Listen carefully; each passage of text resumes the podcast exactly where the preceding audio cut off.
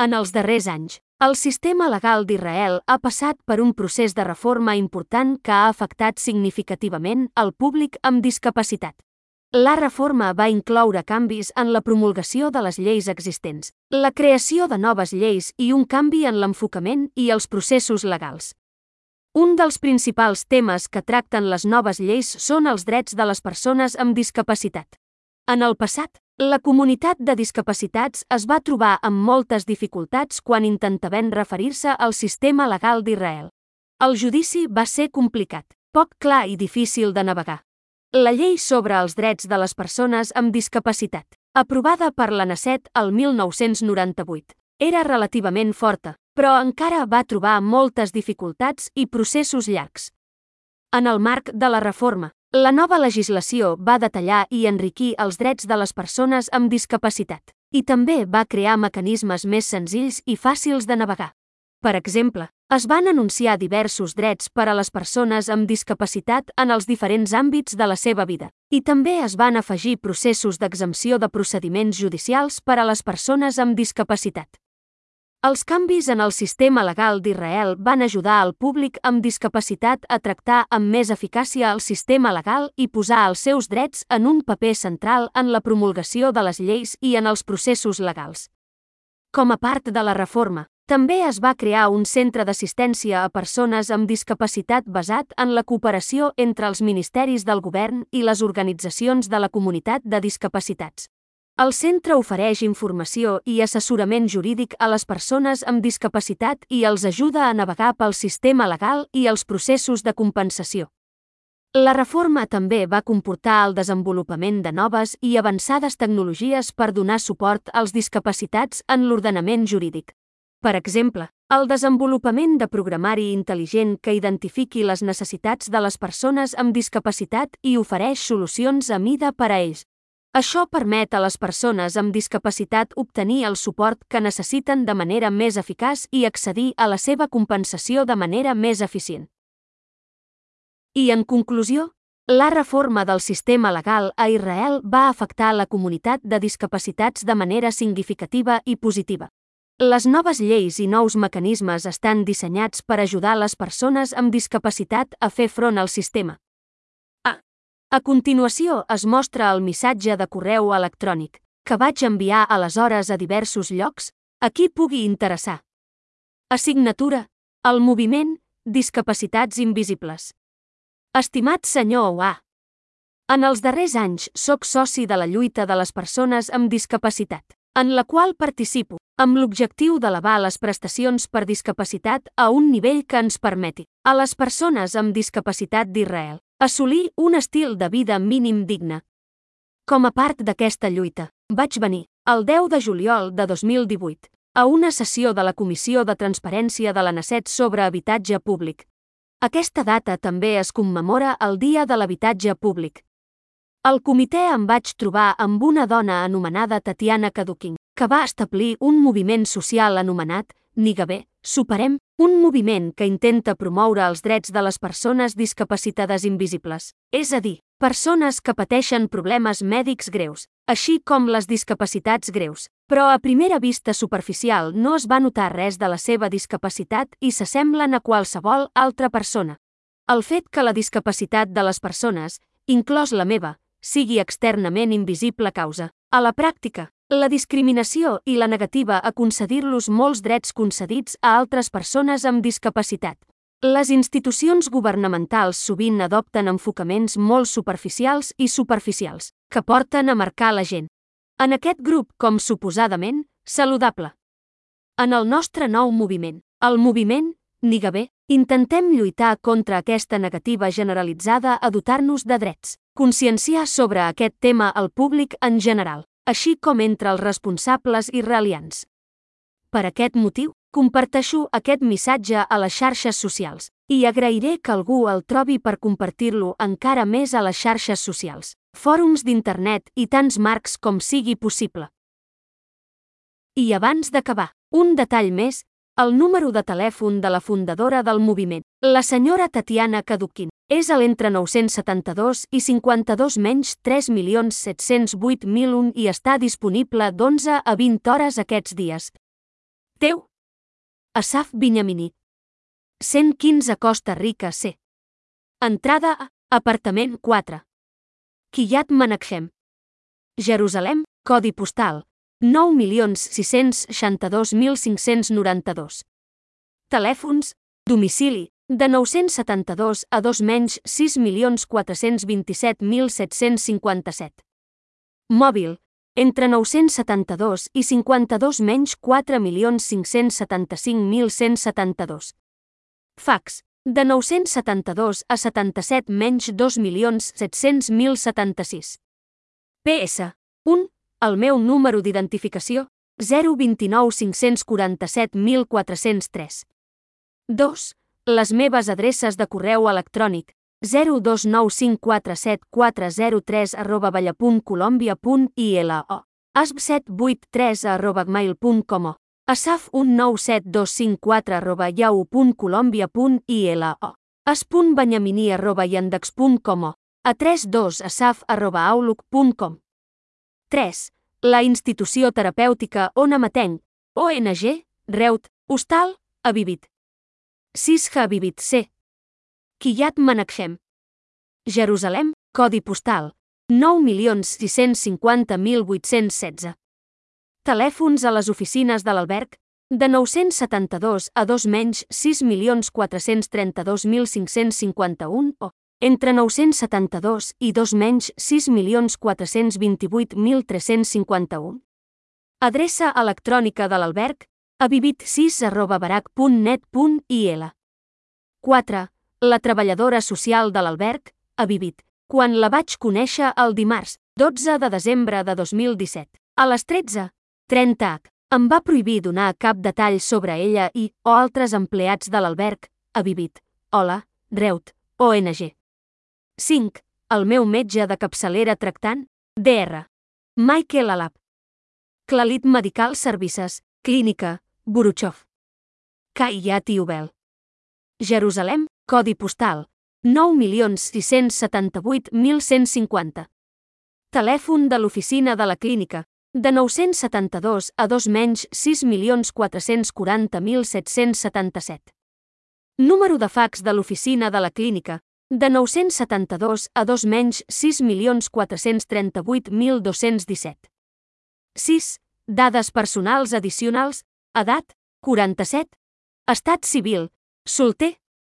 Data de naixement, 11 de novembre de 1972. 7. A continuació es mostra una breu explicació del moviment, Nigabé, que apareix a la premsa. Tatiana Kadukin, una ciutadana normal, va decidir establir el moviment, Nigabé, per ajudar aquells que ella anomena les persones amb discapacitat invisible. Fins ara, aproximadament 500 persones de totes les parts d'Israel s'han unit al seu moviment. En una entrevista a Channel 7 explica el projecte i aquelles persones amb discapacitat que no reben l'assistència adequada i suficient de les parts corresponents, només perquè són invisibles. Diu que la població amb discapacitat es pot dividir en dos grups, persones amb discapacitat amb cadira de rodes i persones amb discapacitat sense cadira de rodes. Va definir el segon grup com a discapacitats invisibles, ja que, diu, no reben els mateixos serveis que es presten a les persones amb discapacitat amb cadira de rodes, tot i que es defineixen amb una discapacitat del 75 a 100%. Aquestes persones, explica, no poden guanyar-se la vida i necessiten l'assistència d'altres serveis als quals tenen dret les persones amb discapacitat amb cadira de rodes. Per exemple, les persones amb discapacitat invisible reben prestacions d'invalidesa inferiors de l'Institut Nacional d'Assegurances i no reben determinats complements, com prestacions de serveis especials i prestacions de mobilitat, i també reben prestacions inferiors del Ministeri d'Habitatge. Segons la investigació realitzada per Caduquint, aquestes, persones amb discapacitat invisible, es troben indigentes malgrat l'intent d'afirmar que a l'Israel del 2016 ningú passa gana. La seva investigació també mostra que els seus percentatges de suïcidis són alts. En el moviment que ella va establir, treballa per incorporar les discapacitats invisibles a la llista d'espera d'habitatge públic. Això perquè, diu, Normalment no entren en aquestes llistes, tot i tenir-hi dret formalment. Manté moltes reunions amb membres de la NACET i, fins i tot, participa en les sessions i debats dels comitès pertinents de la NACET. Però diu que la gent que pot ajudar no escolta, i els que escolten estan a l'oposició i, per tant, no poden ajudar. Ara fa una crida a més i més, discapacitats invisibles, perquè s'uneixin a ella, perquè els pugui ajudar. Estima que si les coses segueixen com estan avui, no hi haurà més remei que fer una manifestació de persones amb discapacitat per reivindicar els seus drets i els seus mitjans de vida bàsics. 8. Aquí teniu un enllaç a la nostra pàgina de Facebook del moviment. https www.facebook.com barra barra moviment guió negab guió 105177934167352 interrogant. Modal admin guió todo guió tur. El 1 d'octubre de 2019 a les 13.33, Maria Cribuixeina va escriure Hola Asaf. Em dic Maria, soc gestora de comptes a SM Rus Company. T'escric per la teva petició. Podries especificar quin tipus d'ajuda necessites? Voleu conèixer les paraules clau per a les quals es classifiquen aquests llocs web? Gràcies per endavant. Salutacions cordials. Maria. Maria Cribuixeina. Telèfon més 442.032.870.265. Correu electrònic m.cribuixeina.samruix.com smruix.www.samruix.com El contingut d'aquest correu electrònic i els documents que s'hi adjunten, si escau, són confidencials i només estan destinats al destinatari especificat al missatge. Està estrictament prohibit compartir qualsevol part d'aquest missatge i o documents adjunts aquí, si escau, amb tercers, sense consentiment escrit del remitent. Si heu rebut aquest missatge per error, si us plau, responeu a aquest missatge i seguiu-lo amb la seva supressió, de manera que puguem assegurar-nos que aquest error no es produeixi en el futur. 10. Aquí teniu la meva correspondència amb la membre del Parlament britànic Carolina Lucas. Benvolgut, Asaf. Moltes gràcies pel teu correu electrònic, que m'asseguraré que Carolina vegi el més aviat possible. Em temo que no té la capacitat de correspondre amb els no constituents però veurà el vostre missatge. Molts desitjos, Eno. En nom de Carolina Lucas. Carolina Lucas, diputada de Brighton Pavilion. Cambra dels Comuns. Londres SB 1 Ampere 0 A. Telèfon 027219 7025. Correu electrònic carolina.lucas.mp.parliament.uk Web www.carolinalucas.com Facebook, Carolina Lucas, pàgina. UIT Carolina Lucas. Si voleu rebre butlletins setmanals de notícies per correu electrònic de Carolina Lucas, si us plau, responeu a aquest missatge posant butlletí de correu electrònic a l'assumpte.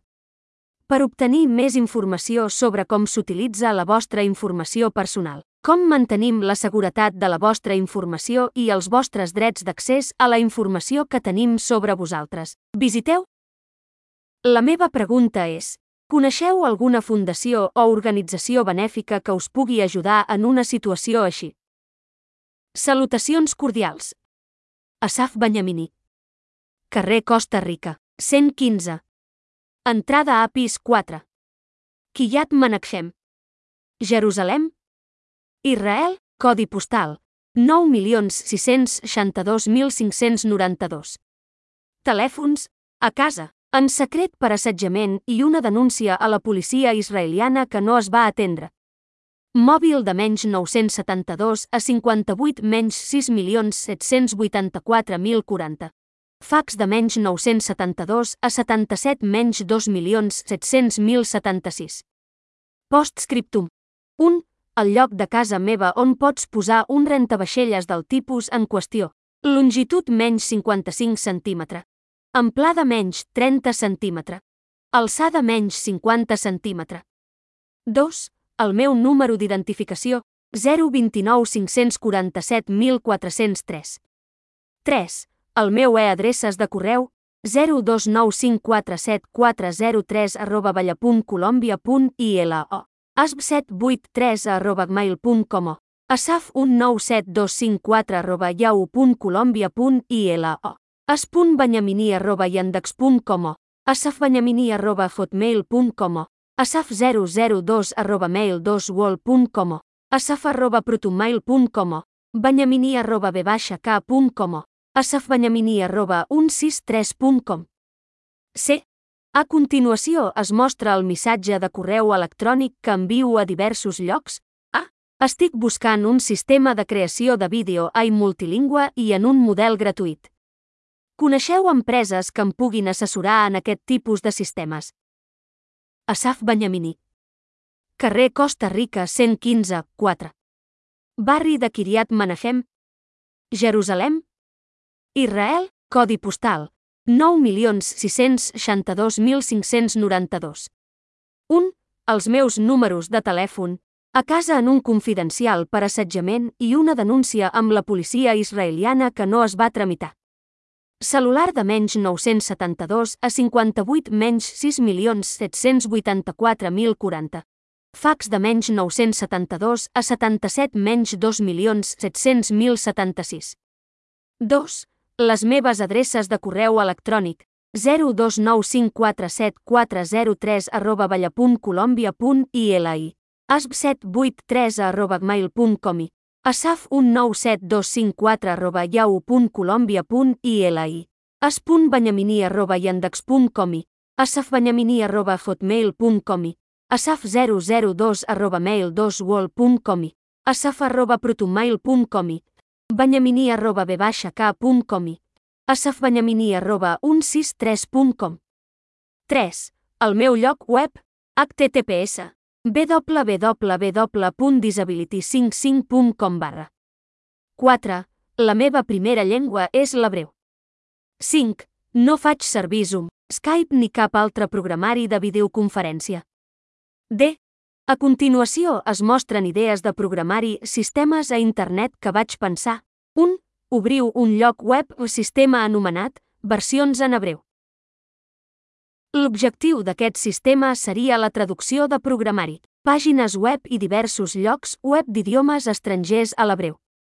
Com sabem, aquesta operació és possible avui dia a través de serveis de traducció automàtica com Google Translate, però els serveis de traducció automàtica tenen, com sabem, molts errors.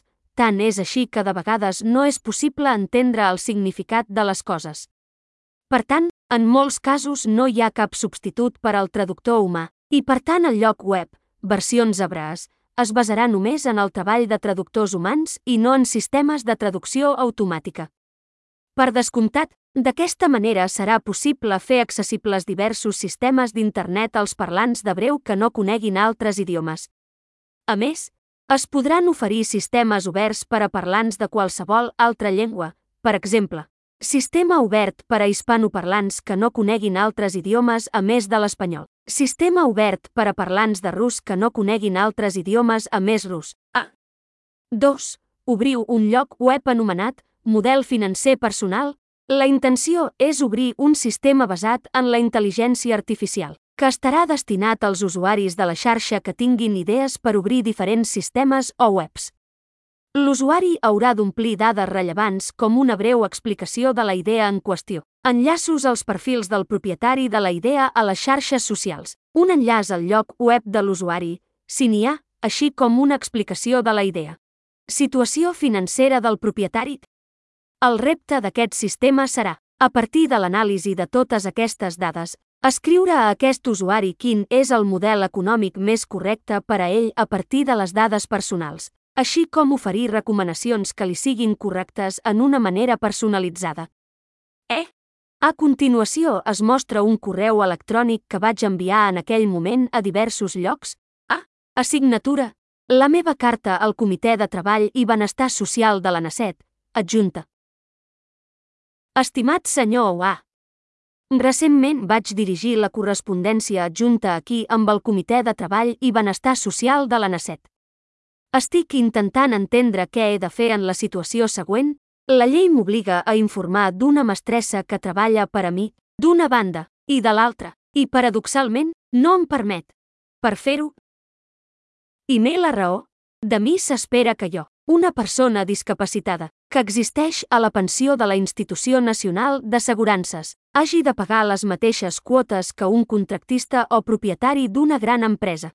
Un contractista o el propietari d'una gran empresa pot fer-se càrrec dels pagaments de les pensions, però jo no puc fer-ho. Aquí es va crear un carreró sense sortida en el qual diverses autoritats de l'Estat d'Israel no m'ofereixen una solució i no fan res més que enviar-me d'un cap a l'altre. I abans que es doni la imatge sencera, m'agradaria preguntar-vos, podeu intervenir? Això per obligar les autoritats de l'Estat d'Israel a oferir una solució raonable al problema que estic enfrontant. Salutacions. Asaf Benyamini. FBW, correu de Yahoo. Asaf Benyamini, FBW, carta al Comitè de Treball i Benestar Social de la NACET. 6 d'agost de 2019. Així que estic intentant entendre quina hauria de ser la solució segons el vostre mètode. He de tornar, no ho feu a partir d'informar. On és la lògica? Heu promulgat una llei, i aleshores no permeteu que un ciutadà la mantingui, i voleu de totes maneres convertir-me en un delinqüent. He de tornar a no informar. Em sembla que en la situació que heu creat aquesta és l'única opció que queda. Vull saber com fer això.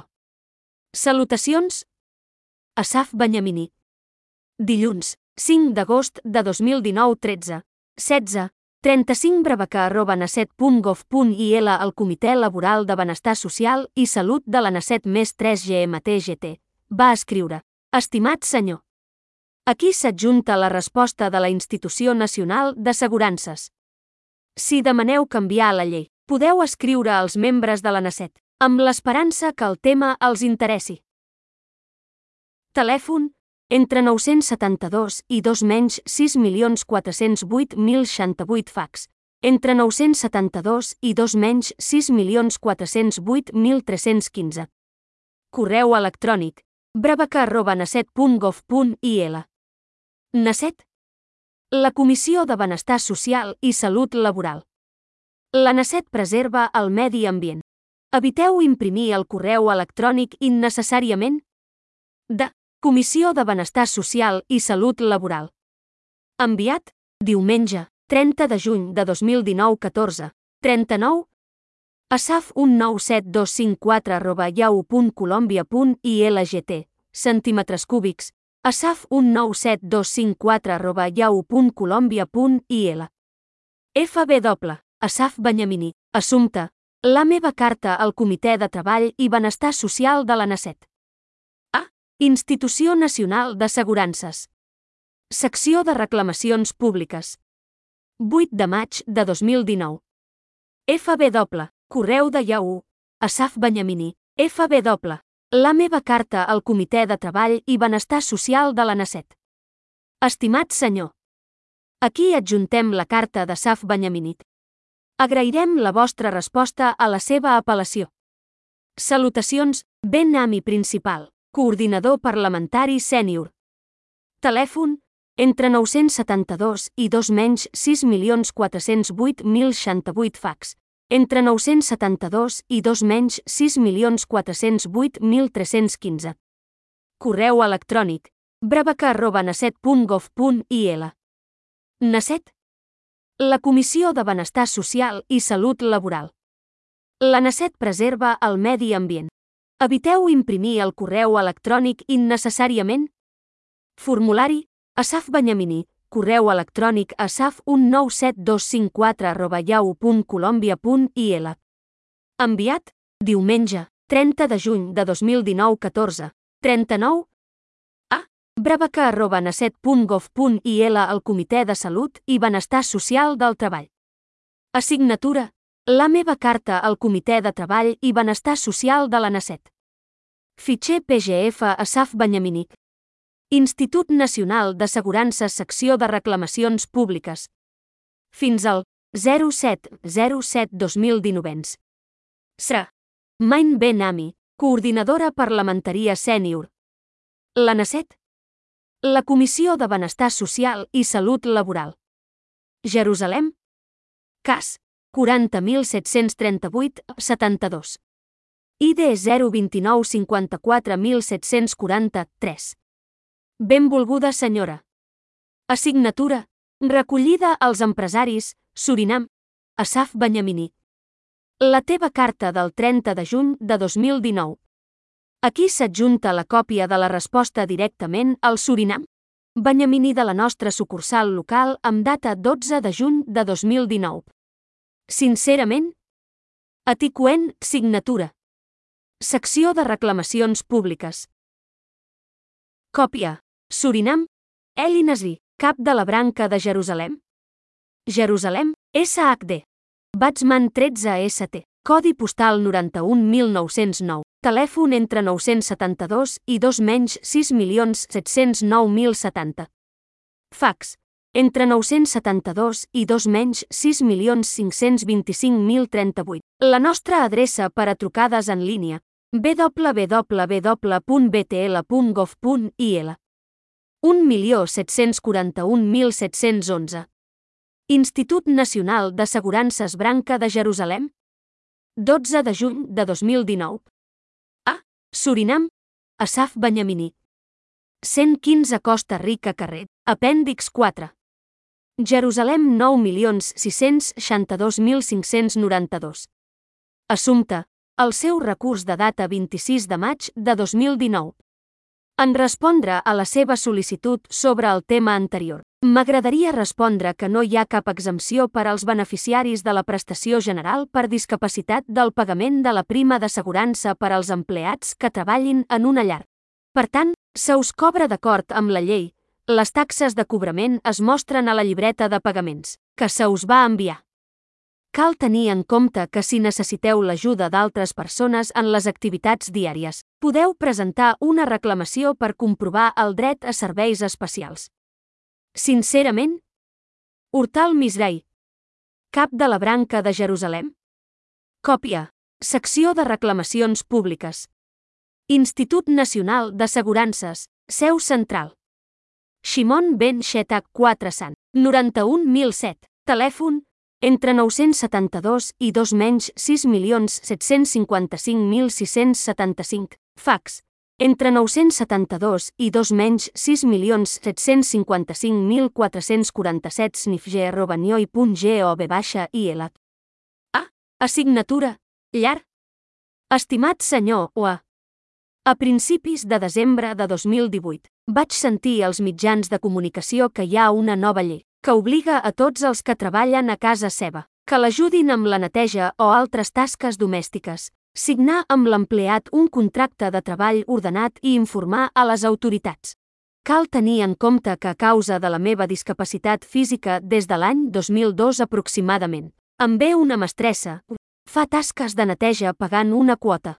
No obstant això, durant aquest temps m'he mudat de diversos apartaments residencials, és aquest fet rellevant per al tema, i vaig trucar a la mestressa de tant en tant, segons calia. Llavors no tenia hores ni dies de treball regulars, i també la freqüència d'arribada era variable de tant en tant.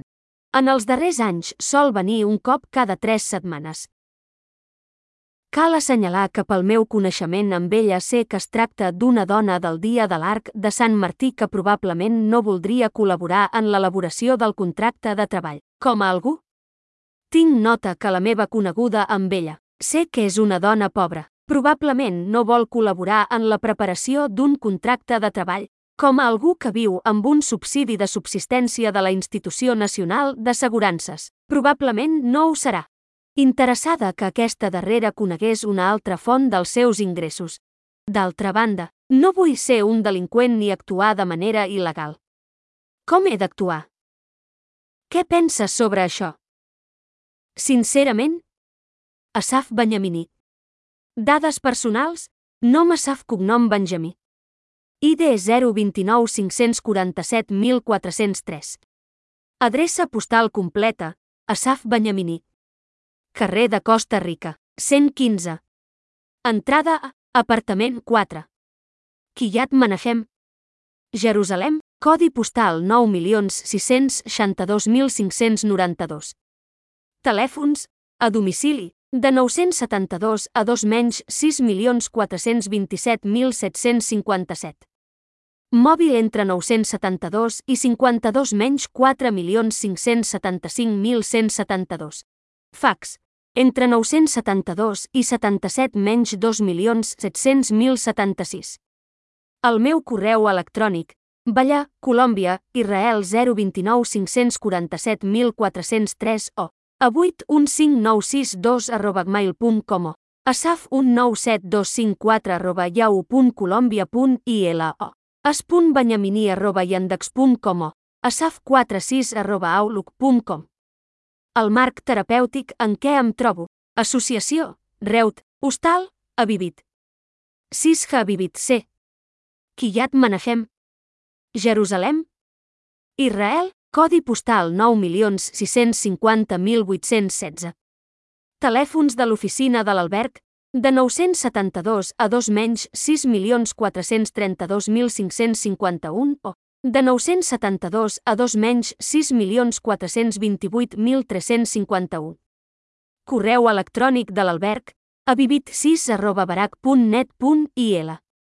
La treballadora social de l'alberg, a Vivit, en la meva trobada amb ella el dimarts 12 de desembre de 2017 a les 13. 30 m'ha prohibit de manera estricta donar cap detall sobre ella i o sobre altres treballadors de l'alberg, a Vivit, o Reut. Associació Metge de família, que em va observar. Doc. Michael Alap. Servei mèdic Clalit, clínica, Buruov. Carrer Buruov, 63. Kiat Iubal. Jerusalem. Israel, codi postal 9.678.150. Telèfons de l'oficina de la clínica, de 972 a 2 menys 6.440.777. Número de fax del consultori de la clínica, entre 972 i 2 menys 6.438.217. Edat, 46. Estat familiar, solter. L'esmentada mestressa del tema, la senyora Iaudit Cuel. El seu telèfon, entre 972 i 50 menys 2.169.965 entre 972 i 55 menys 2.288.208. Aniversari, 11 de novembre de 1972. Signatura. Traduït de l'hebreu a l'anglès per Tatiana Tirgumimofis. Entre 972 i 54 menys 5.516.860. F. A continuació es mostra un missatge de correu electrònic que vaig enviar en aquell moment a diversos llocs. A. Assignatura. Cerca d'entitats benèfiques. Benvolguda Sra. I senyor? En els darrers anys, he estat implicat en la lluita pels discapacitats a l'estat d'Israel, la lluita que també és àmpliament coneguda als mitjans de comunicació. Tanmateix, fins i tot després de molts anys de lluita, va quedar clar que encara no hi ha una solució raonable en el sector de l'habitatge per a les persones amb discapacitat i altres poblacions desfavorides a l'estat d'Israel. Per descomptat, l'epidèmia de corona, que ha estat perjudicant els darrers mesos, escric aquestes paraules el diumenge 12 de juliol de 2020, ha provocat un empitjorament considerable de la situació, i no només dels discapacitats. Població, moltes persones que han perdut la capacitat de guanyar-se la vida han passat, literalment, amb gana de pa. Us pregunto això. Coneixeu organitzacions benèfiques o empresaris que puguin ajudar a pal·liar la difícil situació d'aquests grups de població, i atès que ningú sap quant de temps durarà la situació. Més endavant, a la meva carta, descric les dificultats del públic al qual pertanyo, el públic discapacitat. 1 el meu número d'identificació, 029 47 1403. 2. Els meus correus electrònics, 029474003 arroba balla.colombia.ilo abs783 arroba gmail.com asaf 197254 arroba yahoo.colombia.ilo es.benyamini arroba yandex.com a 32 asaf arroba outlook.com asaf002 arroba mail2wall.com 3. La meva organització de cura, Reut, a Vivit Hostel. 6 hectàrees a Vivit, Sant, Kiryat Menachem. Jerusalem. Israel, codi postal 9.650.816.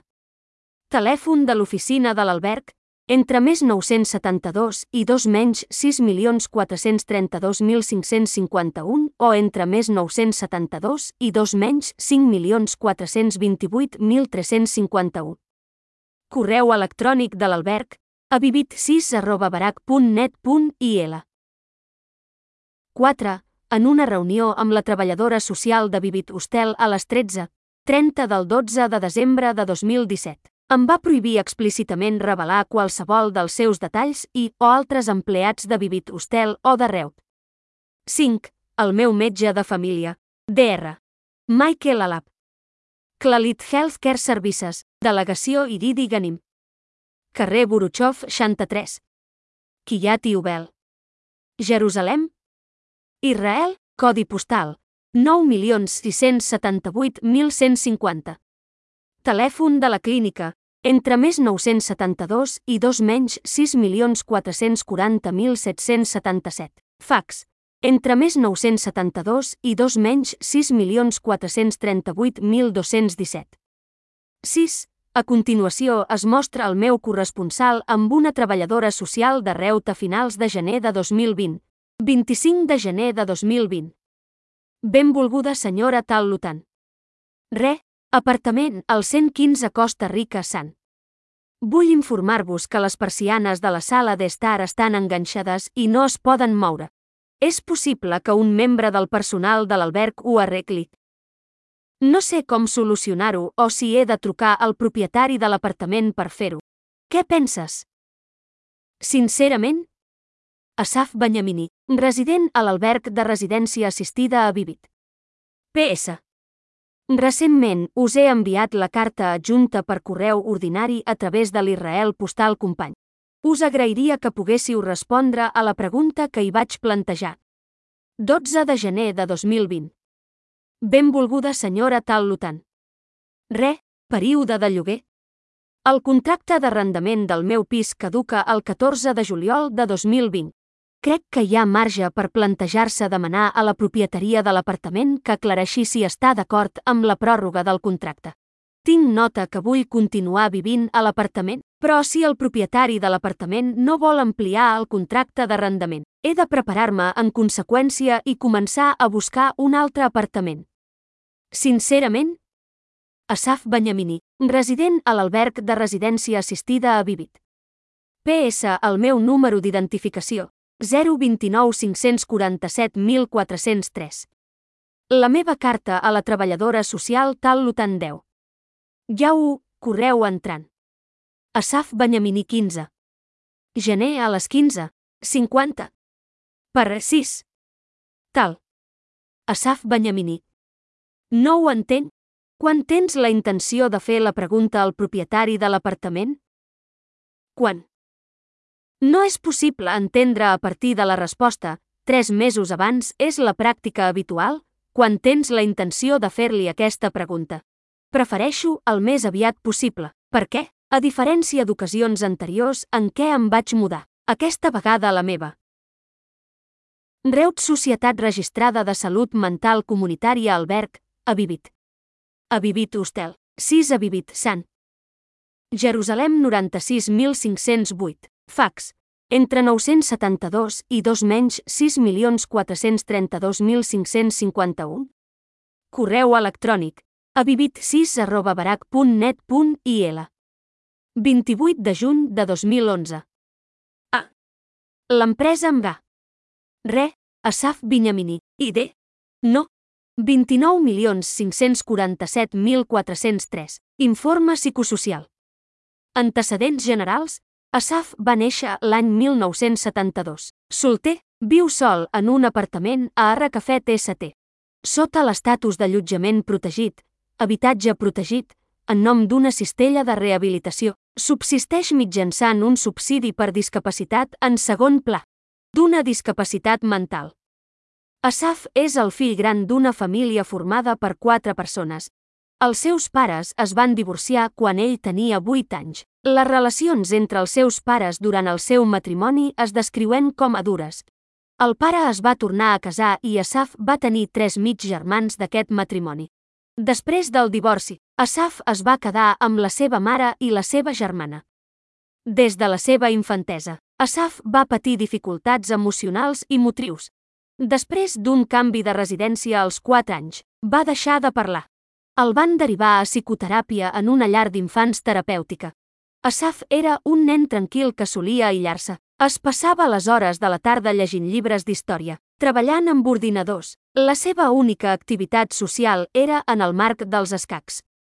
Durant la seva adolescència, el seu estat de salut mental es va deteriorar moltíssim. Va desenvolupar deliris persecutoris i legibles, entre d'altres contra la dona del seu pare.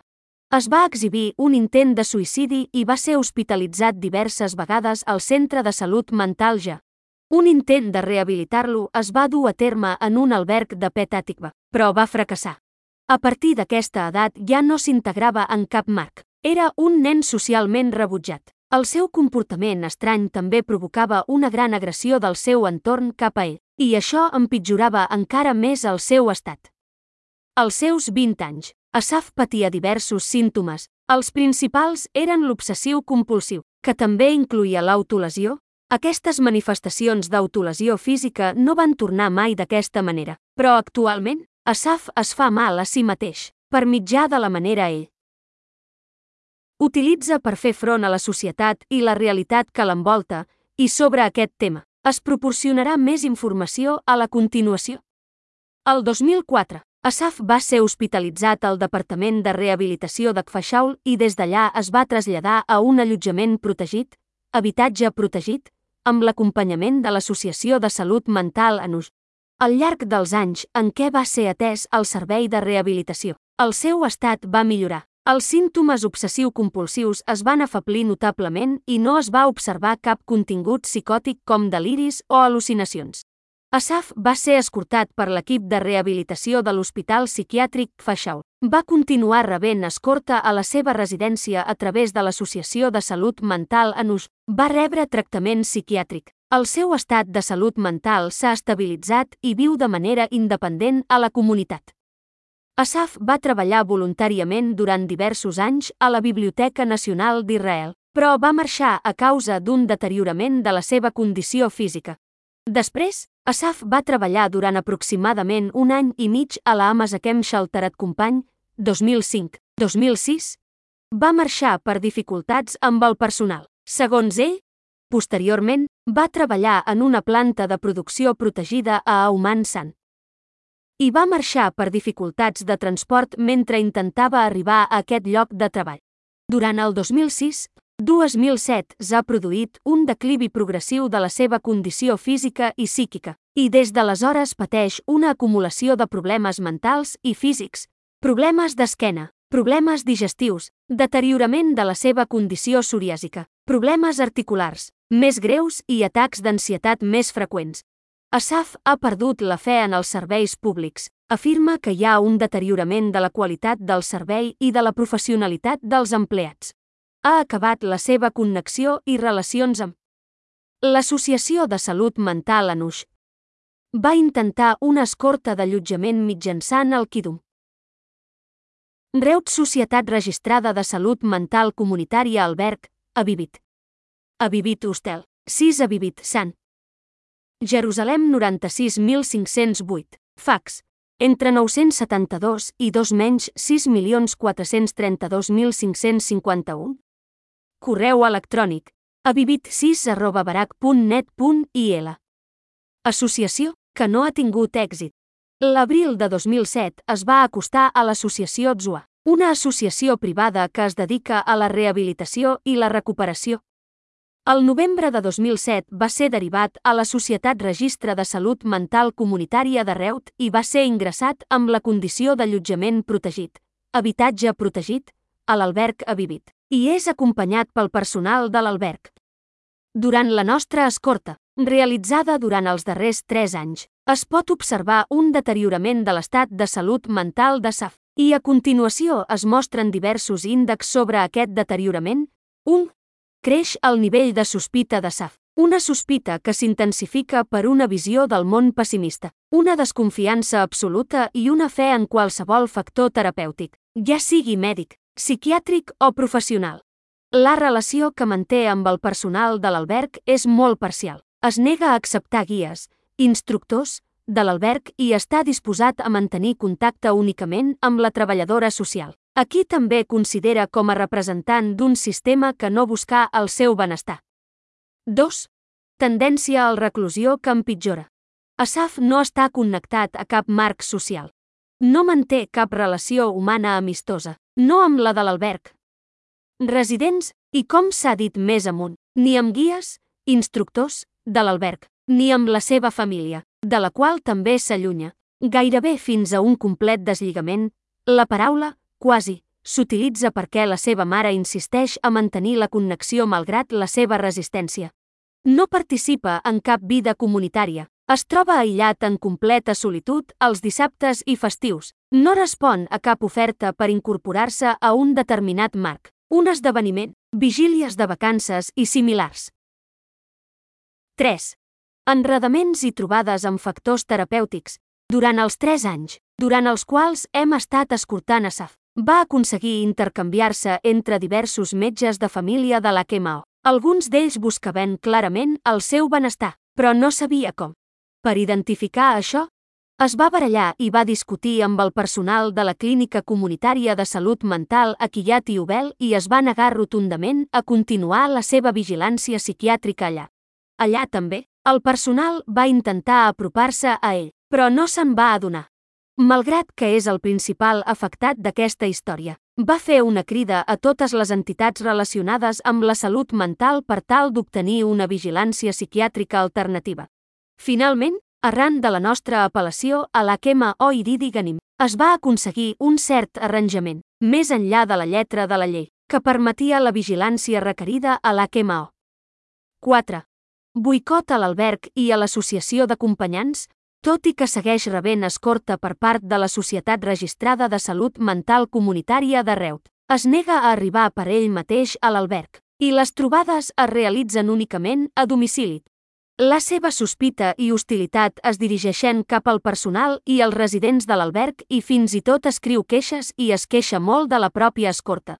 No obstant això, Existeix un cert nivell de judici de la realitat normal i, malgrat la ràbia i les queixes, s'ha abstingut fins ara de desconnectar també la relació amb nosaltres. 5. Un nivell creixent d'ansietat.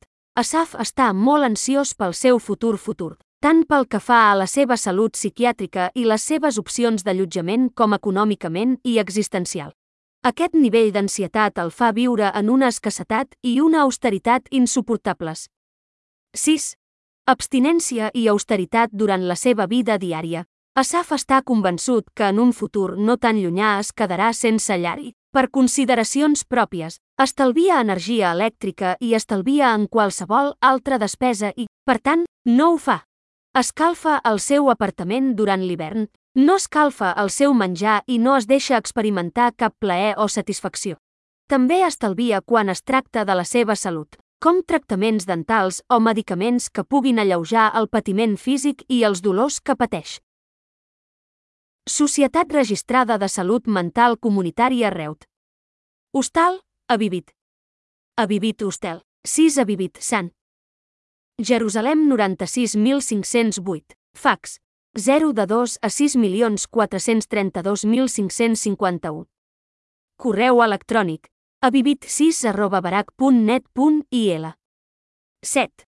Un compromís obsessiu en la correspondència i l'escriptura amb tots els factors possibles que creu que la seva història pot tocar-li el cor. Fent-li així ajudar en una extensa correspondència s'ha convertit en la seva pràctica vital. Escriu, fotografia i de vegades distribueix en desenes d'exemplars.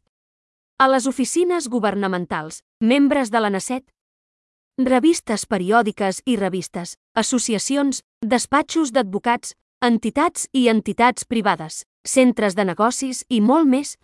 En la majoria dels casos, no rep cap resposta. En determinats casos rep una mica d'atenció. Aquesta pràctica va atorgar sentit i contingut a la seva vida. Segons ell, Mentre sigui viu, seguirà i aquesta és la seva manera de lluitar pels drets que es mereix. 8. Dificultats d'adaptació als llocs de treball al llarg de tot el període de temps. Asaf va intercanviar diversos llocs de treball, cada vegada per dificultats o d'accessibilitat o queixes sobre les seves condicions laborals.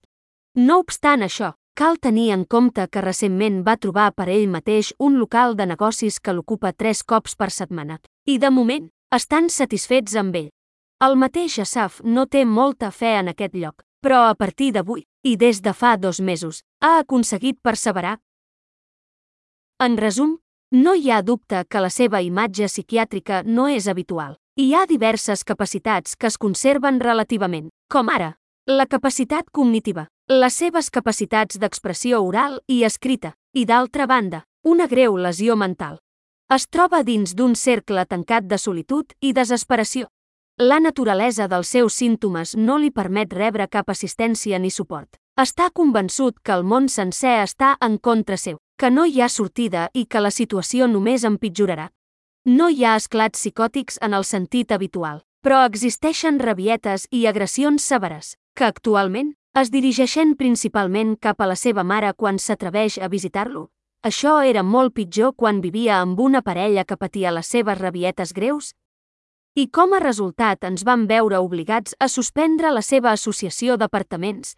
Pel que fa a SAF, la sensació és que tota l'estructura és una estructura paranoica hermètica. El seu judici de realitat és molt defectuós i inadequat i això és especialment evident quan no identifica les persones que el volen assistir i allunya tothom. Es pot notar la disminució de l'efecte, fins a l'absència de cap emoció humana, fins i tot pel que fa a persones properes o cuidadors, terapeutes, amb qui està en contacte diari, L'emoció dominant que el controla és la desesperació, que no para d'empitjorar. Això influeix en la seva qualitat de vida, sense oblidar el nivell de vida extremadament baix en què subsisteix. El seu judici de realitat és molt defectuós i inadequat i això és especialment evident quan no identifica les persones que el volen assistir i allunya tothom. Es pot notar la disminució de l'efecte, fins a l'absència de cap emoció humana, fins i tot pel que fa a persones properes o cuidadors, terapeutes, amb qui està en contacte diari. L'emoció dominant que el controla és la desesperació, que no para d'empitjorar. Això influeix en la seva qualitat de vida, sense oblidar el nivell de vida extremadament baix en què subsisteix. El seu judici de realitat és molt defectuós i inadequat i això és especialment evident quan no identifica les persones que el volen assistir i allunya tothom. És possible notar la disminució de l'efecte, fins a l'absència de cap emoció humana, fins i tot pel que fa a persones properes o cuidadors, terapeutes, amb qui està en contacte diari. L'emoció dominant que el controla és la desesperació, que no para d'empitjorar. Això influeix en la seva qualitat de vida, sense oblidar el nivell de vida extremadament baix en què subsisteix. Amb qui està en contacte diari? L'emoció dominant que el controla és la desesperació, que no para d'empitjorar. Això influeix en la seva qualitat de vida, sense oblidar el nivell de vida extremadament baix en què subsisteix. Amb qui està en contacte diari? L'emoció dominant que el controla és la desesperació, que no para d'empitjorar. Això influeix en la seva qualitat de vida, sense oblidar el nivell de vida extremadament baix en què subsisteix. Per no parlar del nivell de vida extremadament baix en què subsisteix. Amb qui està en contacte diari? L'emoció dominant que el controla és la desesperació, que no para d'empitjorar. Això influeix en la seva qualitat de vida, sense oblidar el nivell de vida extremadament baix en què subsisteix. Amb qui està en contacte diari? L'emoció dominant que el controla és la desesperació, que no para d'empitjorar. Això influeix en la seva qualitat de vida, sense oblidar el nivell de vida extremadament baix en què subsisteix. Per no parlar del nivell de vida extremadament baix en què subsisteix. Amb qui està en contacte diari? L'emoció dominant que el controla és la desesperació, que no para d'empitjorar. Això influeix en la seva qualitat de vida, sense oblidar el nivell de vida extremadament baix en què subsisteix. Amb qui està en contacte diari? L'emoció dominant que el controla és la desesperació, que no para d'empitjorar. Això influeix en la seva qualitat de vida, sense oblidar el nivell de vida extremadament baix en què subsisteix. Que no para d'empitjorar. Això influeix en la seva qualitat de vida, sense oblidar el nivell de vida extremadament baix en què subsisteix. Que no para d'empitjorar. Això influeix en la seva qualitat de vida, sense oblidar el nivell de vida extremadament baix en què subsisteix. Com a persona que l'acompanya des de fa dos anys, i de les converses que va mantenir amb el psiquiatre que el va atendre, no hi ha dubte que les seves dificultats de conducta, els seus problemes mentals, les rabietes i similars, pertanyen i emanen del seu trastorn mental i, per tant, el seu comportament contundent, insultant i escandalós també ha de ser considerat com un símptoma dels seus problemes i no com una part a part d'ells. Noemí Arpàs. Treballador social. L'Alberg ha vivit. Iridi Ganim. 8. A continuació es mostren algunes explicacions, detalls sobre l'estat de l'habitatge dels minusvàlids. 1. Problema de finançament, pagament del lloguer. Fa molts anys. I no està clar per qui, però aparentment algun funcionari del govern es va decidir que les persones amb discapacitat que vivien a la comunitat tenien dret a 770 nis al mes per pagar el lloguer. Com se sap, els preus dels habitatges s'han disparat a Israel. En els darrers anys, també, naturalment, augmentant el lloguer. Però la figura del NIS 770, establerta de manera totalment arbitrària fa molts anys sense cap explicació ni lògica, no s'ha actualitzat.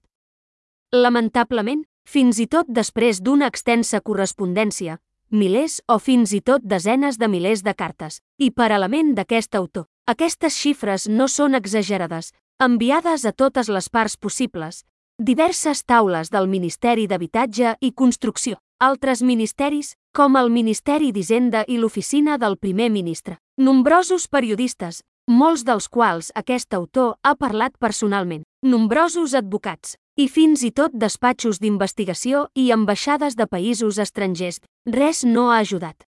El resultat és que l'import de les ajudes no s'ha actualitzat i molts discapacitats són expulsats al carrer per morir-hi de gana, set o fred a l'hivern o cops de calor i deshidratació a l'estiu.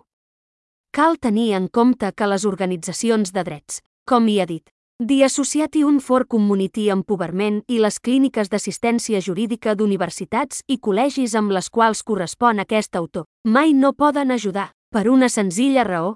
L'import de l'ajuda de 770 NIS és prescrit per la llei, i les organitzacions de drets poden ajudar a aplicar la legislació vigent. L'única adreça on es necessiten esmenes legislatives és la NACET. Però les coses només es compliquen com és sabut, durant molt de temps, aquestes línies es van escriure el divendres 17 de gener de 2020, Israel ha estat en una campanya electoral rere l'altra, i fins i tot a les terceres eleccions, previstes d'aquí sis setmanes, no necessàriament anunciarà l'establiment d'un govern en funcionament. Cal assenyalar que fins i tot quan la NACET i el govern van respondre a les consultes d'aquest autor i les organitzacions de discapacitats i moltes altres en matèria d'ajuda, els membres de la NACET van dirigir automàticament les consultes a les organitzacions de drets, tot i que els membres de la NACET són plenament conscients que, en aquest cas, les organitzacions no són l'adreça, ells mateixos ho són. 2. Comunicacions amb els propietaris d'apartaments, són molts els casos en què els minusvàlids lluiten per negociar amb els propietaris d'apartaments, a causa de la seva discapacitat o malaltia. En aquestes circumstàncies, els treballadors socials han de servir de mediadors, i la majoria dels treballadors socials no poden assumir realment aquest paper en tots els casos. A més, profundes retallades en els darrers anys en el nombre de llocs de treballador social, juntament amb condicions laborals difícils, baixes retribucions, freqüents tractes inadequats per part de les famílies dels pacients, que sovint consideren injustificadament els treballadors socials com a responsables dels seus familiars defectuosos. Rebre, combinat amb la càrrega de treball impossible que de vegades els obliga a descuidar casos urgents o perillosos, sumant-se a les dificultats del minusvàlid per trobar un pis adequat i perquè el treballador social l'ajudi. 3. mitjans de pagament del pacient, hi ha casos en què una persona es trasllada a viure a la comunitat després d'un llarg període hospitalari i no té els hàbits normals de vida, com ara anar a treballar o assumir la responsabilitat de gestionar la seva vida. Sovint, les condicions per signar un contracte d'arrendament, com ara un xec de garantia, són inabastables per a les persones en aquesta etapa de la seva vida. Estructures prèvies de tractament i rehabilitació, una de les quals aquest autor va utilitzar fa 25 anys quan va ser donat de alta de l'hospital a un centre de residència assistida, s'han tancat o han retallat les seves operacions en els darrers anys, impedint així la rehabilitació de les persones en aquesta etapa de la seva vida. Que no poden avançar sense aquestes estructures crítiques de tractament i rehabilitació. 4. Problemes normatius. Actualment hi ha un desequilibri total pel que fa als drets i deures dels propietaris d'apartaments d'una banda i dels arrendataris de l'altra. Moltes lleis protegeixen els propietaris d'apartaments contra un possible abús del període d'arrendament per part dels llogaters. Per contra, no hi ha lleis per protegir els llogaters contra els abusos per part dels propietaris dels apartaments. En conseqüència, els arrendaments inclouen moltes clàusules escandaloses draconianes i fins i tot il·legals, i no hi ha lleis per protegir els arrendataris, que estan obligats a signar els contractes.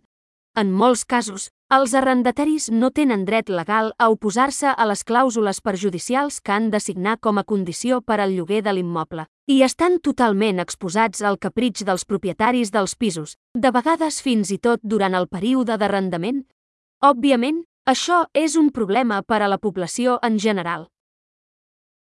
5. Dificultats en les explicacions. Hi ha dificultats substancials pel que fa a les dificultats plantejades i la seva divulgació en l'àmbit públic a fi de fer les modificacions necessàries. Pensen les prioritats actuals dels diferents mitjans de comunicació, que no estan interessats en el tema, la divisió entre les organitzacions minusvàlides, el desinterès de moltes parts de la societat en què vivim per participar activament en els esforços per corregir i millorar la situació, dificulten molt els esforços per conscienciar el públic sobre aquests problemes d'una manera que obligui els membres de la NACET a modificar les lleis en lloc de continuar ignorant-les i no fer res. Hi ha una altra dificultat pel que fa al llançament d'una campanya publicitària. 9. Enllaç al canal de YouTube que vaig obrir el 28 d'abril de 2020. HTTPS www.youtube.com barra barra Chanel Ux 17 amb QIL B baixa JNQN 9 QLZRG. 10. El 10 d'agost de 2018 em vaig unir a un moviment social anomenat Ho farem. Superat, un moviment que busca representar els interessos de la discapacitats transparents, és a dir, Persones que pateixen problemes de salut greus no visiblement externs a la invisibilitat que nega els drets civils i socials a una escala molt àmplia. La seva directora i fundadora del moviment és Tatiana Kadokkin. Aquí és possible contactar el número de telèfon entre 972 i 52 menys 3.708.001 de diumenge a dijous d'11 a 20 hores, excepte les festes jueves i israelianes, us adjunto un enllaç al nostre web del moviment https www.nigabe.com barra 11. Els meus números de telèfon a casa de menys 972 a 2 menys 6.427.757. Celular de menys 972 a 52 menys 4.575.172. Fax de menys 972 a 77 menys 2.700.076. 12. Més dades personals. Data de naixement. 11 de novembre de 1972 Estat civil. Solter. G. Durant molts anys, el Ministeri de Benestar i Serveis Socials de l'Estat d'Israel es va negar rotundament a tractar els malalts mentals. L'atenció dels malalts mentals a Israel es va confiar al Ministeri de Salut. En els casos en què el Ministeri de Sanitat no pogués ajudar al discapacitat mental evacuat, es derivaria al Ministeri de Benestar. I això malgrat que el personal del Ministeri de Sanitat sempre va saber molt bé que el Ministeri de Benestar no tractava els amb problemes mentals. La Conselleria de Benestar, per la seva banda, no va acceptar mai tractar quan es tractava de malalts mentals i tornaria a derivar la persona al Ministeri de Sanitat. Això va crear una situació en la qual els malalts mentals necessitats que necessitaven l'assistència del Ministeri de Benestar es trobaven, de fet, davant d'un abeurador trencat. I els diferents ministeris del govern no farien res més que derivar la persona amb lesió mental necessitada d'anada i tornada d'una altra manera. Oficina a una altra. Cal destacar que l'autor d'aquestes línies s'ha trobat amb aquesta situació moltes vegades. Aquesta ha estat la realitat fins avui, aquestes paraules estan escrites el diumenge 2 d'abril de 2023, uns dies abans de la Pasqua. Però en l'últim any hi ha hagut un canvi, i això es deu a la legislació de Llei Drets Benestar a les persones amb discapacitat. El text és en hebreu, on s'indica que en determinades situacions el Ministeri d'Afers Socials podrà ajudar als danys mentals que estan sent atesos al mateix temps al Ministeri de Sanitat. Aquesta llei es va registrar al Llibre de Lleis de l'Estat d'Israel el 22 de juliol de 2022. A dia d'avui, diumenge 2 d'abril de 2023, no està clar quins són els casos o situacions en què el Ministeri de Benestar de l'Estat d'Israel pot ajudar als afectats mentalment. Crec que aquesta informació s'hauria de posar a disposició dels empleats de la Conselleria de Benestar, dels empleats de la Conselleria de Sanitat així com del públic amb lesió psíquic de la manera més fàcil i senzilla possible. M'agradaria assenyalar que l'enllaç que adjunto a la Llei de Drets de Benestar per a Persones amb Discapacitat, el text de la llei està en hebreu, va ser extret de la lloc web d'Isi Shapiro a casa. H. A continuació es mostren les publicacions que vaig compartir a la xarxa social Facebook. 1. A continuació es mostra la publicació que vaig escriure a la pàgina de Facebook de la xarxa Xufarsal. Cadena Shalom Xufarsal. Vaig demanar un lliurament per avui que havia d'arribar a les 13.00. Quan intento contactar amb el teu servei d'atenció al client per telèfon. Ningú respon al número entre 1 i 800 de menys 56 a 56 menys 56 a l'altre extrem de la línia telefònica. Hi ha una resposta automatitzada que diu que l'enviament arribarà només a les 16. 22. Així que et pregunto, et sembla lògic o raonable un retard de més de 3 hores en un lliurament a la ciutat? Això vol dir que a partir d'ara he de demanar un lliurament unes 3 hores abans que vull que arribi, és a dir, he de marcar a la teva pàgina web a les 11.00 perquè el lliurament arribi a les 14.00. Marca a les 13.00. Si vull que el lliurament arribi a les 16.00. Ah. I per què el vostre servei d'atenció al client no respon al telèfon? Definitivament espero un servei més raonable. Encara que arribis tard, almenys respon al telèfon Asaf Benjamin. 2. Has enviat. A Xufarsal Shalom. Vaig demanar un lliurament per avui que havia d'arribar a les 13.00. Quan intento contactar amb el teu servei d'atenció al client per telèfon. Ningú respon al número entre 1 i 800 de menys 56 a 56 menys 56 a l'altre extrem de la línia telefònica. Hi ha una resposta automatitzada que diu que l'enviament arribarà només a les 16. 22. Així que et pregunto, 1. Et sembla lògic o raonable un retard de més de 3 hores en un lliurament a la ciutat? 2. Vol dir això que a partir d'ara he de demanar un lliurament unes 3 hores abans que vull que arribi, és a dir, he de marcar la teva adreça a les 11.00 perquè el lliurament arribi a les 14.00 Marca 13. 00 si vull que el lliurament arribi a les 16. 00. 00 i similars. 3. I per què el teu servei d'atenció al client no contesta al telèfon? Definitivament espero un servei més raonable. Encara que arribis tard, almenys respon al telèfon. Asaf Benjamin. Xufarsal? Xufarsal? Hola parlant Tamar. Has enviat. Aleshores, què passarà? Per què no vens? I per què dimonis tampoc responeu al telèfon? Per què? Només fart. Xufarsal? Xufarsal? En primer lloc, el que ha passat és un retard que passa de vegades. Hi ha hagut un retard en la càrrega i per això es va produir el retard. Tens raó que està malament per part nostra ser la causa del retard i que no contestem al telèfon. Però la nostra línia funciona com de costum i rebem trucades com sempre. No sé per què no hem rebut la teva trucada. Per descomptat, de nou, el que va passar és una fallada puntual i no tornarà a passar. Estaré més que encantat d'acreditar-te la tarifa d'enviament de la comanda per demostrar-te que ho sentim realment i millorarem els nostres serveis en el futur. Has enviat. Està bé. Acredita'm la tarifa d'enviament. Però, què passa amb l'enviament en si? Veig que encara no has arribat. I aquest és un enviament que havia d'arribar a les 13.00. Tinc altres coses a fer a la vida a més d'esperar-te. Xufarsal? Xufarsal? De què és el certificat d'identitat? Si us plau? Has enviat. El meu número d'identificació, 029 547 1403. Has enviat. Llavors, que hi ha de nou? Ja són les 16. 35. Per què no vens? Per què? Xufarsal? Demano disculpes per l'espera. Xufarsal? Veig que la teva reserva és entre les 16.00 i les 18.00. Xufarsal? Xufarsal? I hauria d'arribar-te en qualsevol moment. Has enviat.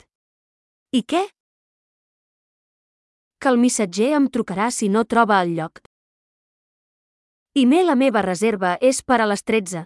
00 i no per a les 16. 00, 18, 00, per què mentit? Xufarsal? Xufarsal? No estic mentint. Això és el que veig al sistema. Has enviat. Estàs mentint. La reserva és per a les 13. 00. Això és el que es va acordar amb tu. Si us plau, respecteu els acords amb vosaltres. Xufarsal? Xufarsal? Devia haver-hi un error, ho passo per aclarir-lo. T'acredito la tarifa d'enviament i no passarà en el futur. Has enviat. Feliç el creient. Allò que promets que, en el futur no passarà, sempre passa i sempre es repeteix. Per què t'he de creure? Xufarsal? Xufarsal?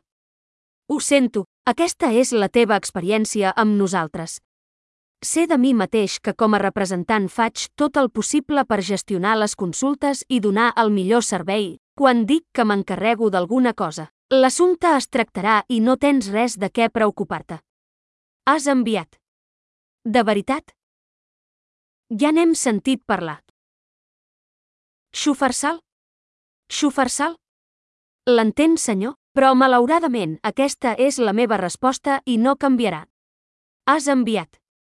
Aquestes reclamacions són contra la conducta de Xufarsal i no contra vostè personalment. Escriu a Xufarsal. Entenc, la teva sol·licitud s'ha enviat a tractament i no et preocupis, m'asseguraré que es cuidi i que tal cosa no passi. Per descomptat, ja us he acreditat a més de la tarifa d'enviament de 30 nis. 3. Aquí teniu la meva correspondència amb Xufarsal a la xarxa social WhatsApp. Hola Xufarsal, us vaig demanar un enviament que havia d'arribar avui a les 13.00. Per què no vens? Salutacions cordials. Asaf Benyamini.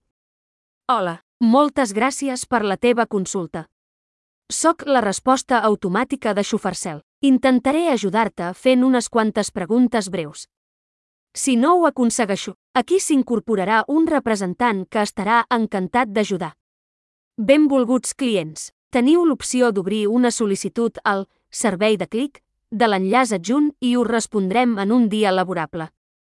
https www.xufarsal.co.il barra Customer Service https www.xufarsal.co.il barra Customer Service Quin és el teu número de seguretat social? No oblideu introduir els nou dígits 029 547 1403. Teniu una comanda oberta amb nosaltres. S'espera que el missatger arribi el 4 de febrer de 2023 a les 16. 22. Tria quin tema et podem atendre. Respon. 1. Gràcies, això és tot. 2.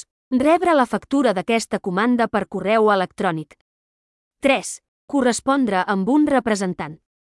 4. Rebre una factura i correspondre amb un representant. 3. Transfereixo el tractament a un representant del servei que es correspondrà amb vostè en uns moments. Gràcies per la teva paciència. Hola, em dic Oren, només comprovo. A Xufarsal Shalom, avui us he demanat un enviament que havia d'arribar a les 13.00. Per què no vens? Salutacions cordials. Asaf Benyamini. Carrer Costa Rica, 115. Entrada a pis 4. Kiat Menachem. Gràcies per esperar. Ara he parlat amb el missatger. Li van dir que era per un retard en el camí ja que arribaria en uns 15 minuts. Té acreditat per la tarifa d'enviament? Bé, esperaré el missatger a casa. Si no arriba en 15 minuts, em posaré en contacte amb tu de nou. Asaf Benjamin. Em va alegrar d'haver servit. Que tingueu un bon dia. Veig que el missatger encara no ha arribat i tampoc es posa en contacte amb mi. Han passat més de 15 minuts. Hola, moltes gràcies per la teva consulta. Soc la resposta automàtica de Xufarcel. Intentaré ajudar-te fent unes quantes preguntes breus. Si no ho aconsegueixo, aquí s'incorporarà un representant que estarà encantat d'ajudar. Benvolguts clients, teniu l'opció d'obrir una sol·licitud al servei de clic de l'enllaç adjunt i us respondrem en un dia laborable. https www.xufarsal.co.il barra Customer Service https www.xufarsal.co.il barra Customer Service Quin és el teu número de seguretat social? No oblideu introduir els 9 dígits. 029 547 1403. Teniu una comanda oberta amb nosaltres. S'espera que el missatger arribi el 4 de febrer de 2023 a les 16. 22. Tria quin tema et podem atendre. Respon. 1. Gràcies, això és tot. 2. Rebre la factura d'aquesta comanda per correu electrònic. 3. Correspondre amb un representant. 4. Rebre una factura i correspondre amb un representant. 3. Transfereixo el tractament a un representant del servei que es correspondrà amb vostè en uns moments. Gràcies per la teva paciència. Hola, em dic Aden. Què puc fer? Vaig demanar un lliurament que havia d'arribar a les 13 00. Llavors, per què no vens?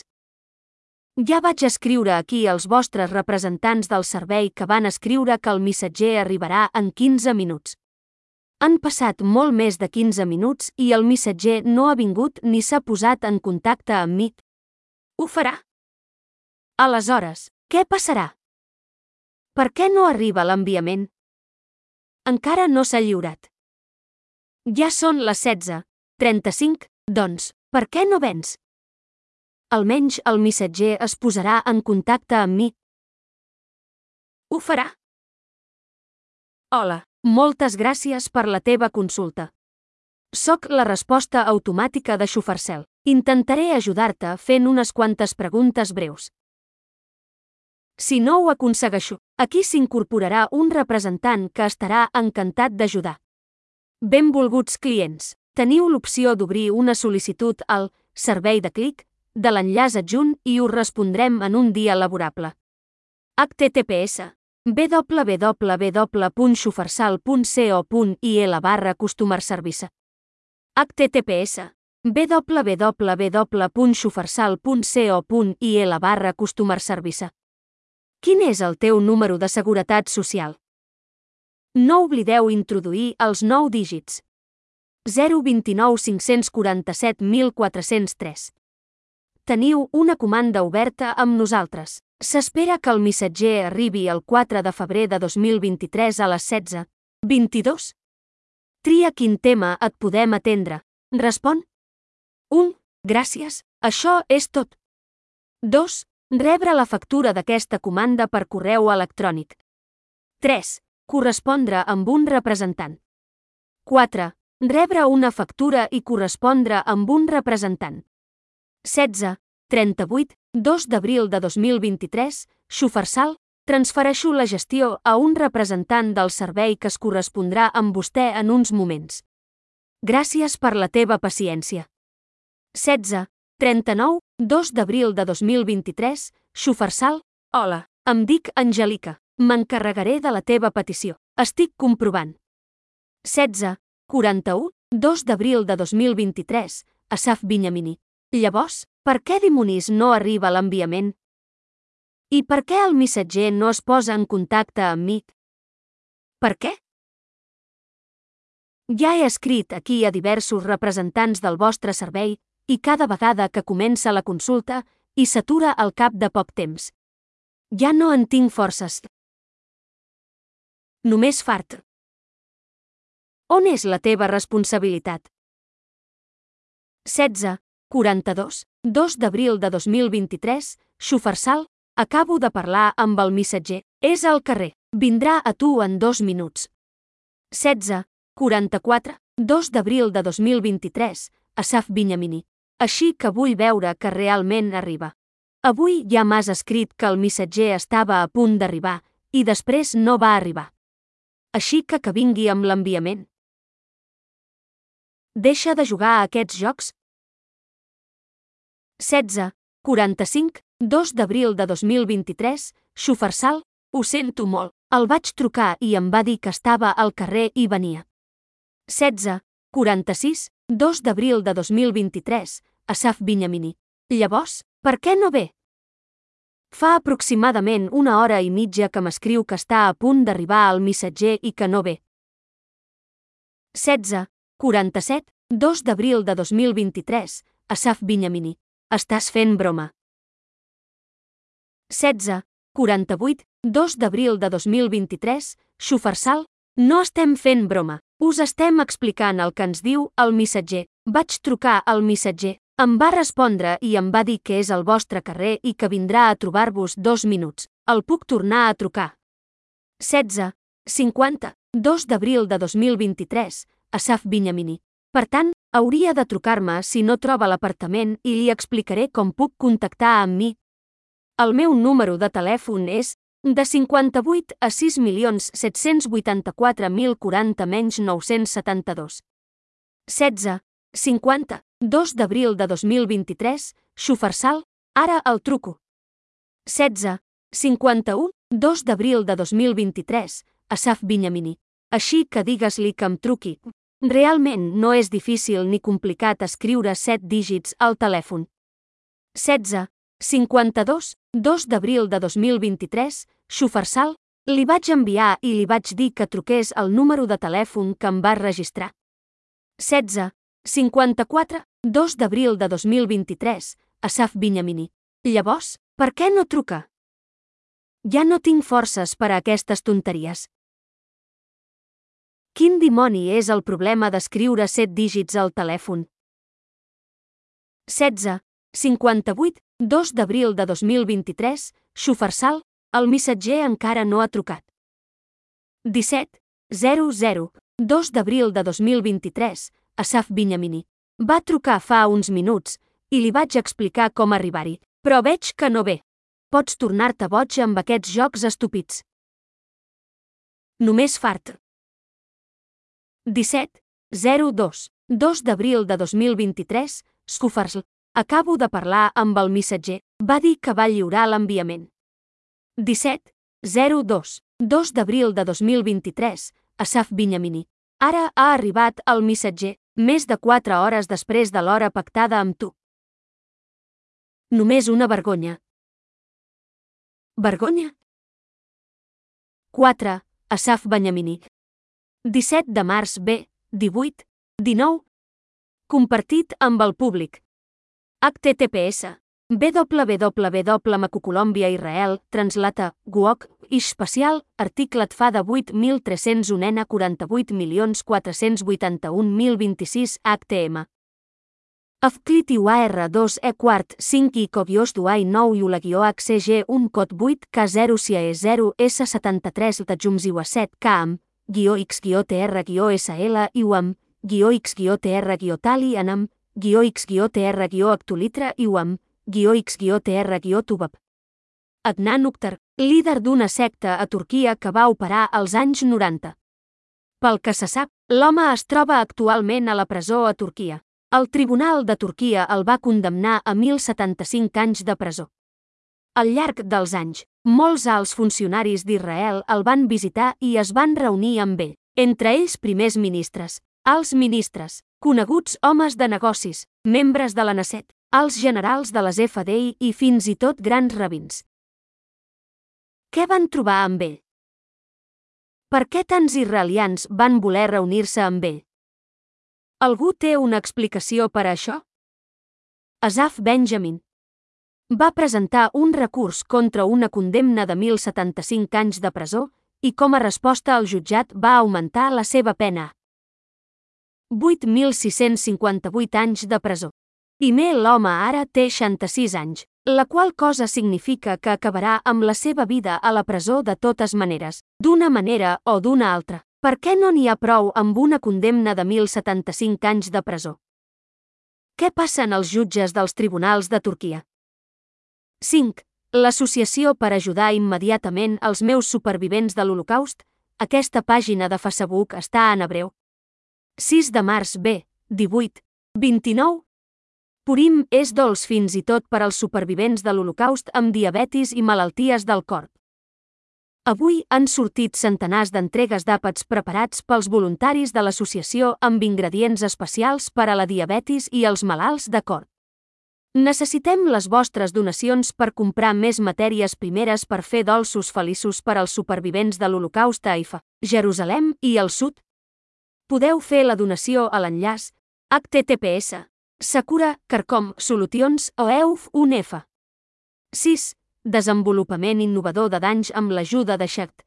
Article en hebreu cara trista. https www.pc.co.il barra barra neus 379076 barra 7. Conferència de Sílvia Lic, en hebreu, en el camp de la història de l'oncologia. https www.youtube.com barra vaig interrogant. B baixa és igual a x5 vols 2 xuto 4. 8. Article, en hebreu, sobre la aplicació, Albi, una aplicació que intenta facilitar-ho a les persones que pateixen demència o Alzheimer. https www.inet.co.il barra barra activism barra article B1E7 Asaf Benyamini Espera, de què he escrit? Perdona, ho vaig oblidar.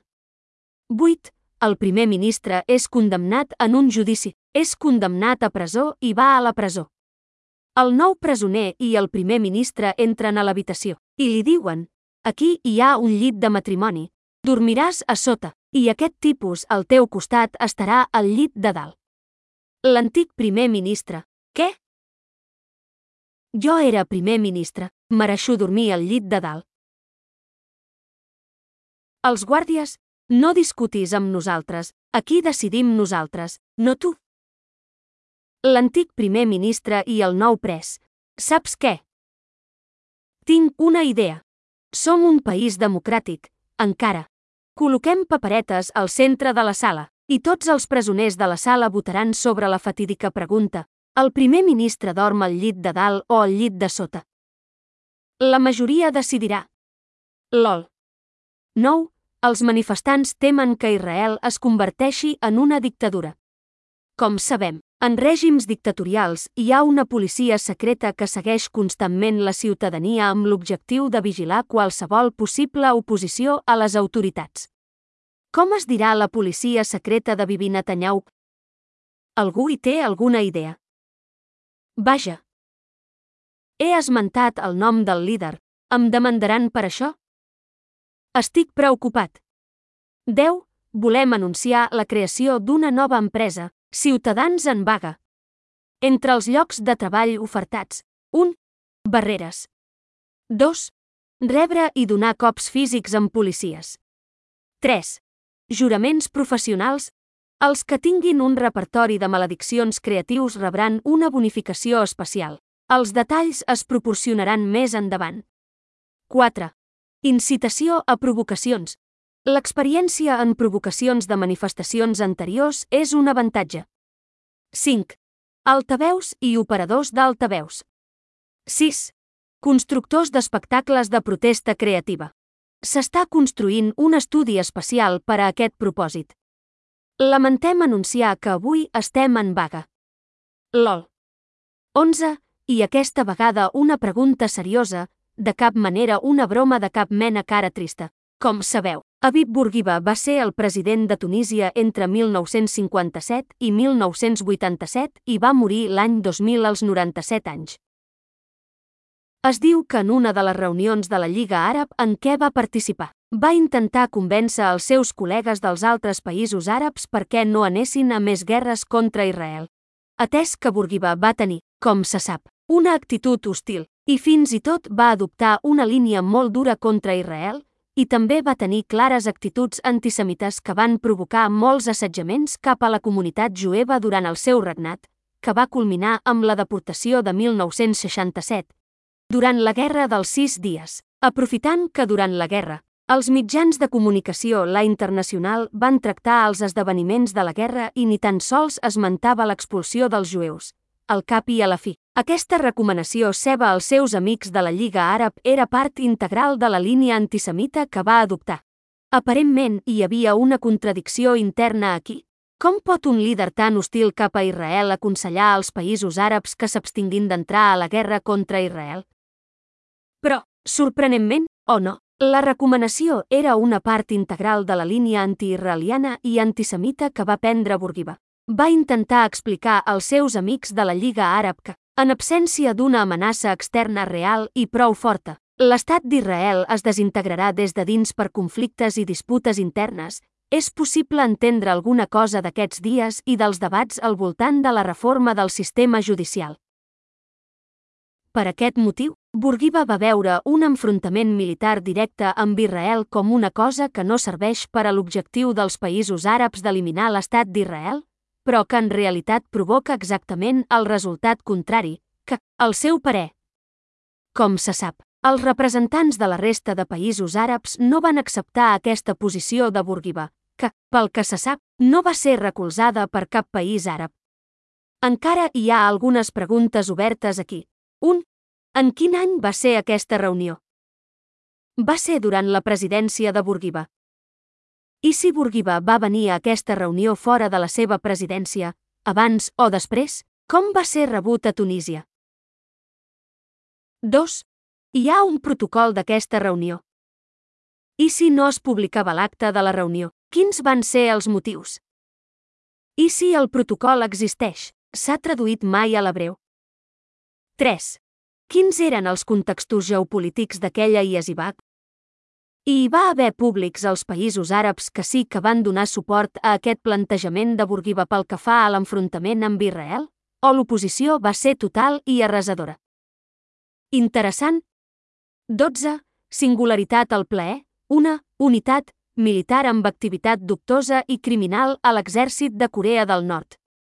És possible que dones de països occidentals intentin infiltrar-se en aquesta unitat, amb finalitats d'espionatge.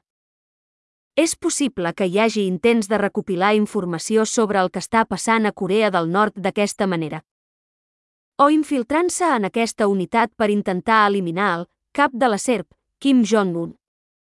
Aparentment, no hi ha respostes al respecte. Fins i tot si aquesta activitat existeix, és probable que cap organització d'intel·ligència de cap país ho admeti. 13. S'està establint una nova lliga esportiva a l'estat d'Israel, curses de cotxes per a llocs de treball. Participants a la primera cursa. 1. L'equip dels psiquiatres Istadrut. 2. L'equip policial, condició necessària per a l'acceptació a l'equip, Almenys 15 casos en què el candidat demostri la capacitat d'utilitzar la força i apallissar els manifestants. El candidat ha d'adjuntar vídeos que ho demostrin. 3. L'equip de treballadors de la NACET. 4. L'equip de CEO de les empreses governamentals. Qui guanyarà? Qui actuarà amb major depredació? Qualsevol altre equip de treball que estigui interessat a participar en la competició en el futur haurà de demostrar un comportament depredador a un nivell raonable. Les sol·licituds sense prou prova de depredació no seran acollides. Durant la competició, s'imposarà un toc de queda a tots els residents d'Israel, excepte la llista d'agents de policia que ho faran complir. Un resident que sigui enxampat els dies de la competició a una distància de més d'un metre, 2 centímetres, 2 mil·límetres, 3 micres i 15 mil·límetres fora de la porta de casa seva serà ingressat en un centre de detenció psicòpata la resta de la seva vida. Vida. LOL. 14. I aquesta vegada un tema seriós, i de cap manera una broma. Com sabem, el soroll d'intensitat anormal i extrema pot causar danys greus a la salut o fins i tot la mort. Tanmateix, pel que se sap, actualment no hi ha eines acústiques amb la finalitat de colpejar, per exemple, l'enemic durant la guerra en formació directa a través de canons, canons o míssils. És possible que aquestes armes es desenvolupin en secret per a diferents exèrcits del món? I més enllà de la paradoxa, armes amb intensitats sonores inusuals que s'obren. En silenci, com afectarà l'existència d'aquestes armes, si i quan es desenvolupen? Afectarà el futur camp de batalla? Potser es pot intentar imaginar, però només es pot suposar que avui no és possible obtenir respostes sobre això. 15. Quina crueltat cap a un conductor a Batyam, ciutat de Batyam a l'estat d'Israel. Quina mala gent hi ha al nostre món. Només una vergonya. HTTPS. Fran belga, vaig, gigioca lu de 0. El vídeo i les explicacions estan en hebreu. I, a continuació es mostra el missatge que vaig deixar el 4 d'abril de 2023 a la pàgina de Facebook de l'empresa, Google Israel. Salutacions a l'empresa, Google Israel. El 13 de març de 2023 vaig obrir el canal de YouTube. https www.youtube.com barra barra Chanel Bifaurs de 7 i Agpolup. Però actualment estic trobant un problema. No és possible pujar vídeos nous. El motiu? No puc completar el procés de verificació que requereix el sistema de YouTube i em quedo encallat repetidament. Què fer? Com es pot superar aquesta falla? Salutacions cordials. Asaf Binyamin. Carrer Costa Rica, 115. Entrada a pis 4. Kiryat Menachem. Jerusalem, codi postal 9.662.592. Telèfon entre 972 i 58 menys 6.784.040. Postscriptum. 1. El meu número d'identificació, 029 547 1403. 2. El canal de YouTube en qüestió està enllaçat a l'adreça de correu electrònica 783 gmail.com. 3. Adjunto aquí la captura de pantalla del missatge d'error que rebo durant els intents fallits de pujar vídeos al canal. J. Els meus enllaços. 1. Lloc freelancer, com. 2. Coordinador del futur científic. 3. Emmagatzemeu la informació de Cobrirà Arnei, un expert en el cristianisme. 4. Festival, Connecta. Una experiència que una noia va encarregar a les mares i les nenes. 5. Projectar la papallona d'Israel. 6. L'Institut El Democràtic. 7. Consell editorial, El Botó. 8. Projecte, Xaspassa, estudis acadèmics relacionats amb la indústria l'espai per a dones. 9. Associació, llocs reservats, accessibilitat mostra cultura per a nens amb dificultats neurològiques. 10. Aquí la construcció, tallers de fusteria nòmada. 11. Xarxa Bixuta, com.